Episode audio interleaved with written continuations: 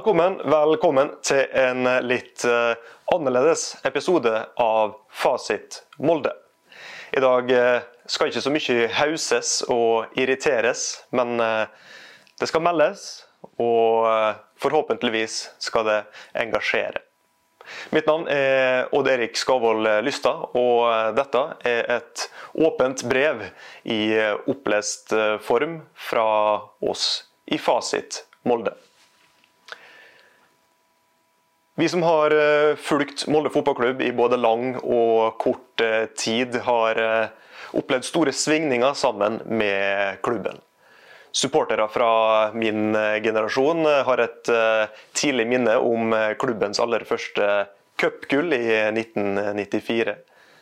Vi husker seine kvelder med Champions League, opplevelser vi ikke helt skjønte hvor store de var, men som vi likevel kjente på kroppen.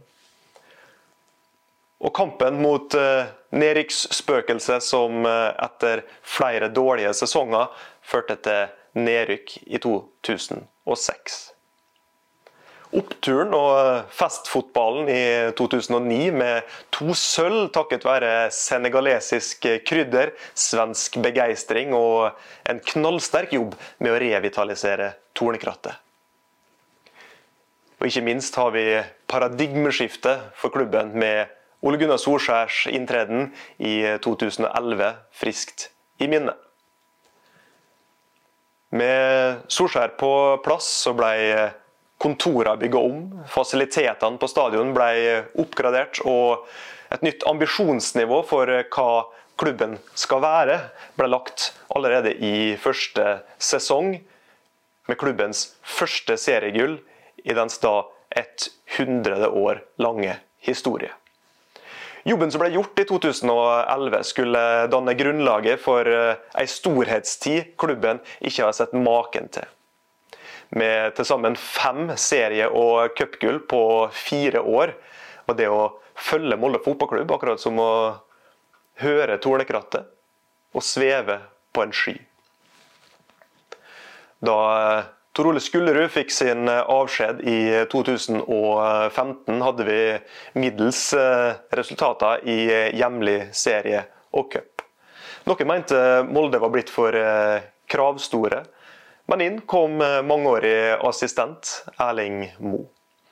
Han slo til med borteseier mot Fenerbahçe og uavgjort mot Ajax i Europaligaen.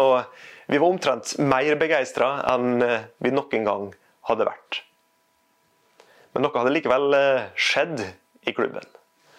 Da eh, Solskjær kom inn i sin eh, andre periode som Molde-trener, måtte han omtrent starte på nytt.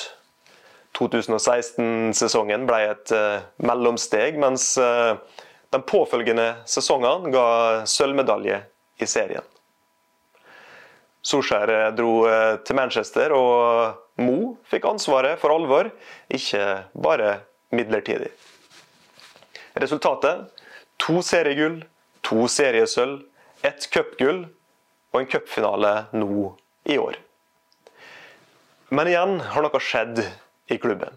Årets prestasjon i serien kan ikke sies å være noe annet enn en katastrofal oppfølger til et fjorår som best kan beskrives som sesongen med tidenes flyt.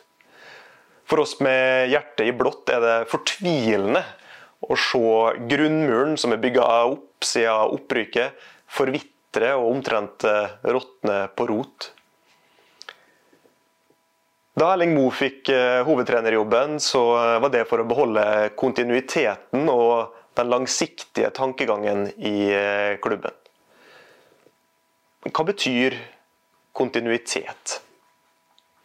Er det kontinuitet at de samme folka skal sitte i ledende posisjoner i all evighet? Er det kontinuitet å hente tilbake den eh, samme administrerende direktøren vi hadde forrige gang? Er det kontinuitet å eh, ta hjem igjen gamle helter? Nei, det er ikke det. Det er desperasjon, i et øyeblikks håp om å få tilbake det som en gang var. Det er stagnasjon. Og står man stille, så dør man. Kontinuitet ville heller vært å erstatte Sivert Mannsverk et år før han uunngåelig nok blei solgt. Ikke gjøre det som eh, fremstår som et panikksalg noen timer før overgangsvinduet stengte, uten å ha en plan på plass. Kontinuitet ville vært å jevnt fylle på i posisjoner vi vet er utsatte, som f.eks. midtstoppeplassen.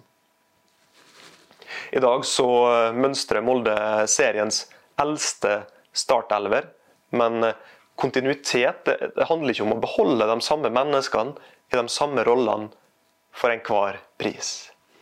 Det handler om å beholde strukturen, det handler om kulturen. Hvordan skal en klubb drives fra bunnen av?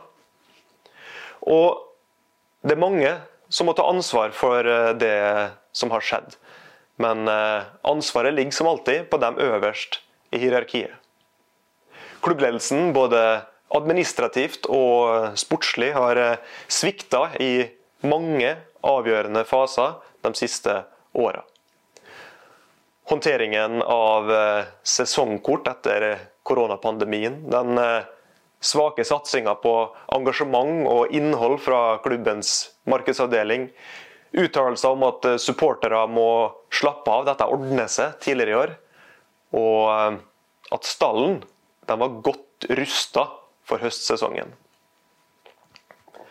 Erling Moe han eh, harselerer med kritikken etter én seier i en elendig periode. Denne 'vi veit bedre enn alle andre'-holdninga er frustrerende. Den er avvisende, den er demoraliserende, og det blir så lett synlig.